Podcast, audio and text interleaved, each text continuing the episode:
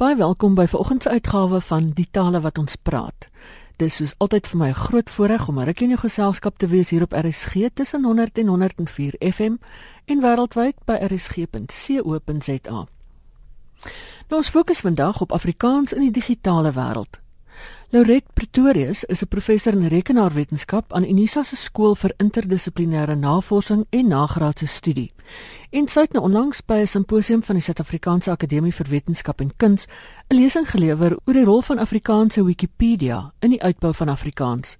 Sy vertel waaroor dit gegaan het. Wel, Ina, die Af Afrikaans is as amptelike taal is van jaar 90 jaar oud en word beskou as een van die taalwonderwerke eintlik van die 20ste eeu. Mense soos Jaap Steyn en Tom McLaughlin, hulle praat van die elektrisiteit, die wonder, die triomf van die sieraad van Afrikaans en dan ook die tragedie van Afrikaans omdat hy nou weer eintlik onder heelwat druk is. Nou hierdie druk op Afrikaans word onder andere ervaar by skole, universiteite en die werkplek. Ons is almal bewus daarvan. En dit is wat ek nou ons soort van fisiese ruimte sou kon noem. Maar die afgelope 15 jaar het ons toenemend in die digitale ruimte inbeweeg. En dit is volgens my hier waar daar baie opwindende nuwe geleenthede vir Afrikaans is. En die kern van my lesing by die akademie was dat die Afrikaanse Wikipedia 'n noodsaaklikheid is vir Afrikaans om hierdie geleenthede te kan aangryp en in hierdie digitale ruimte te kan floreer daar is navorsing wat daarop dui dat ek het dis nie die enigste, dis nie die enigste uh, ding wat ons moet doen nie, maar as ons dit nie doen nie, dan is al die ander min of meer 'n mors van tyd. Dit is essensieel vir Afrikaans dat hy 'n goeie Wikipedia sou hê. Nou jy het nou twee belangrike begrippe gebruik, Wikipedia en die digitale ruimte. Nou Wikipedia is 'n aanlyn ensiklopedie wat mense redelik gereeld raadpleeg, maar wat is die digitale ruimte? Goed, die digi digitale ruimte is daardie ruimte waar binne ons deur middel van die internet en die wêreldwye web kan kommunikeer. Dit is in kort wat dit is. Ek wil nie te tegnies raak nie want ek dink meeste mense wat wat die internet en die wêreldwye web gebruik sal min of leef in daai ruimte of het ervarings in daai ruimte. Wikipedia is as ek net kan sê, ja. inderdaad die grootste aanlyn ensiklopedie.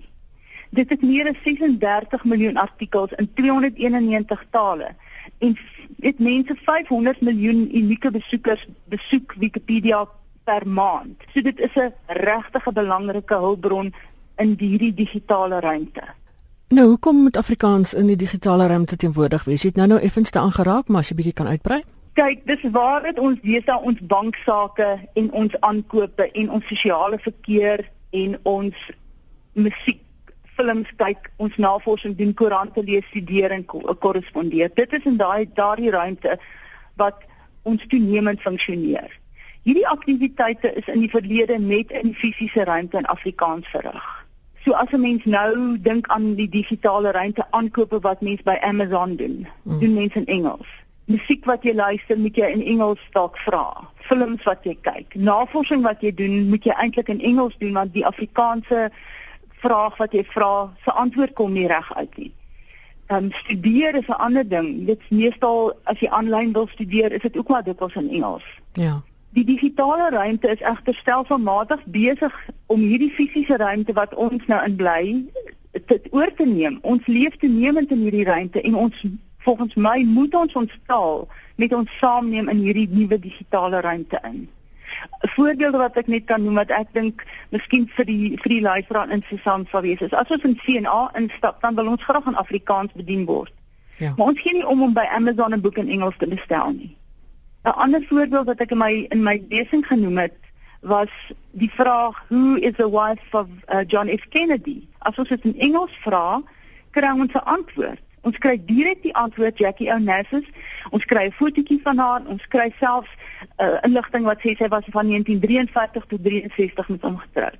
Ja. As ons intik wie was die vrou van John F Kennedy, dan kom daar nie 'n antwoord nie. Dan kom daar 'n dokument, nie van Wikipedia af nie.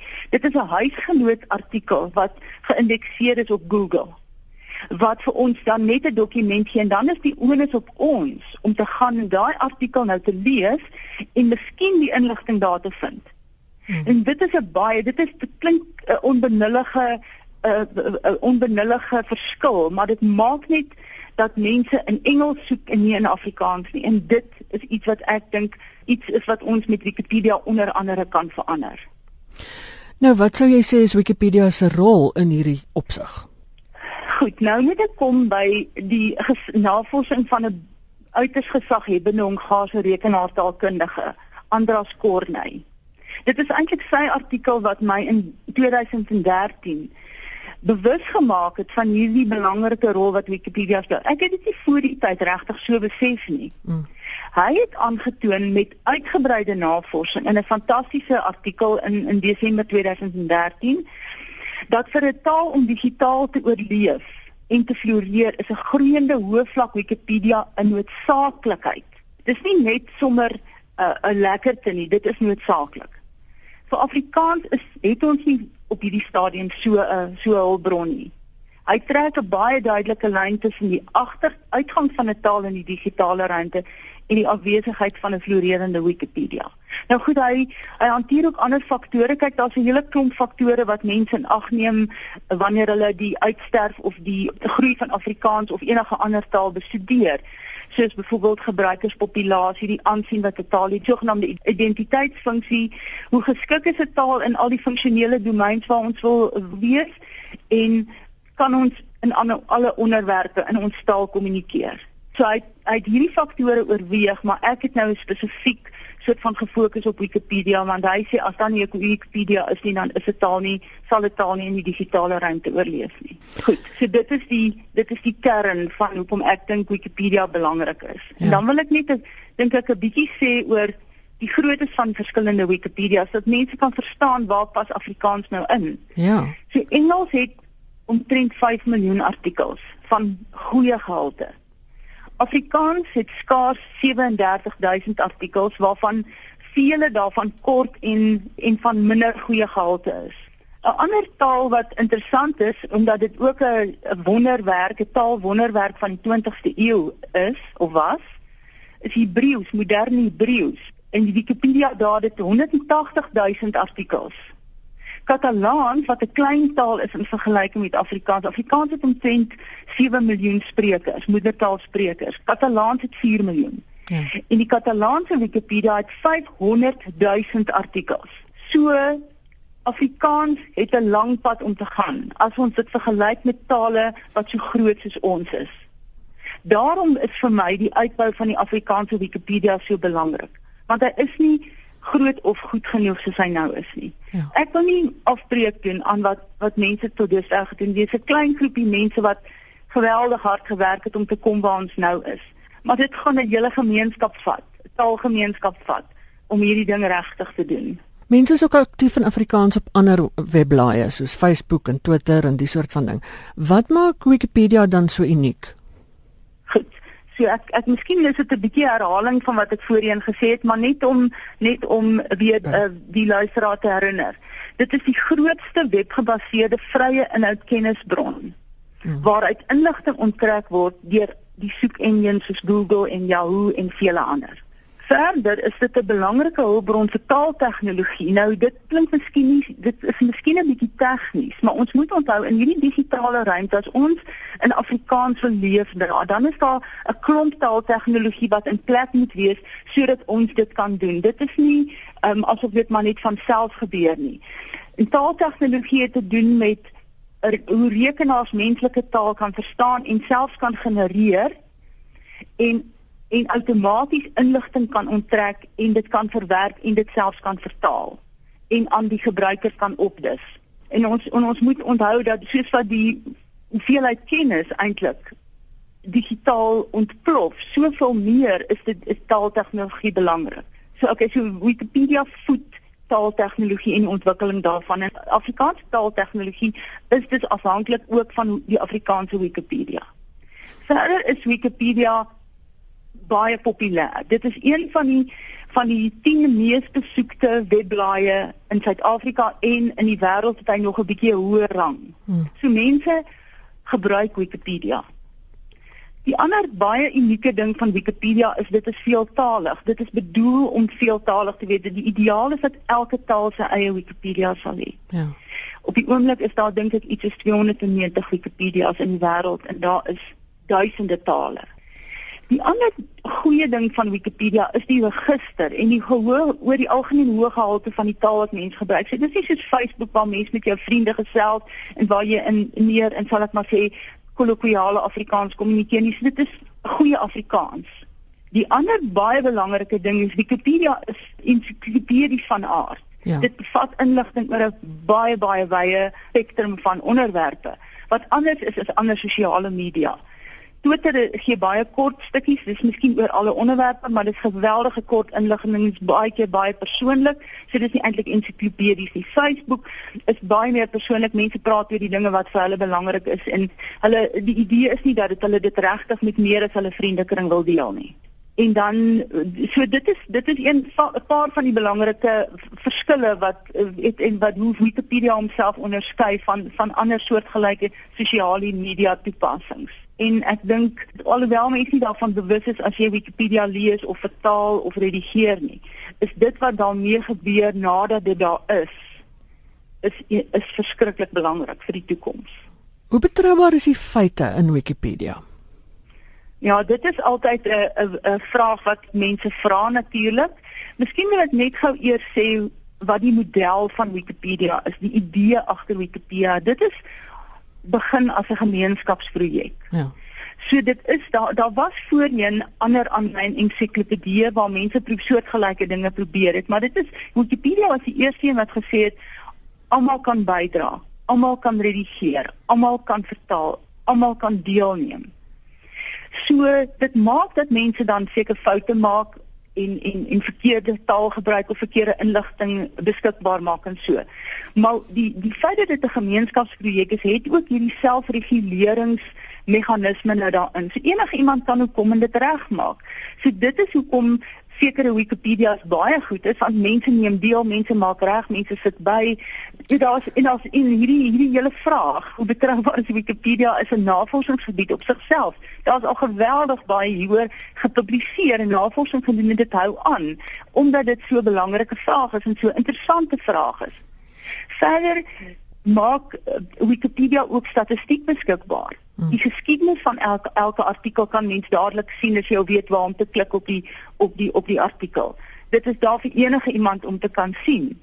Die deelnemers kan anoniem wees, maar gewoonlik registreer mens as 'n gebruiker. So jy weet mense kan sien wie wat verander het en mense kan ook op enige stadium teruggaan na 'n vorige weergawe as iemand uh, on weet kwaadwillig vandalisme gepleeg het of so iets. So dit is die model. Dit is hoe Wikipedia werk. Nou is die vraag is dit goed genoeg? Is dit betroubaar? Nou die Engelse Wikipedia het selfs 'n bladsy artikel oor the reliability of Wikipedia. Ja. Dit is 'n uitgebreide en 'n goeie artikel met meer as 236 artikels waar mense oor tyd hulle navorsing bysit. So daar's al baie studies gedoen. 'n Vergelykende studies tussen ander ensiklopedieë en Wikipedia of hoe goed is Wikipedia in hierdie vakgebied akademieë gevra om kommentaar te lewer en so meer. So mense kan dit daar gaan lees. Maar daar's altyd daar's altyd die kans dat dit verkeerd is. Dit is die realiteit van die saak, maar aan die ander kant ander ensiklopedieë kan ook verkeerd wees. So die vraag is hoe betroubaar is Wikipedia? Dit word dit dit is nie 100% betroubaar nie. Dit is in die aard van Wikipedia. Maar ons kan dit verbeter en ons kan dit um uitbrei.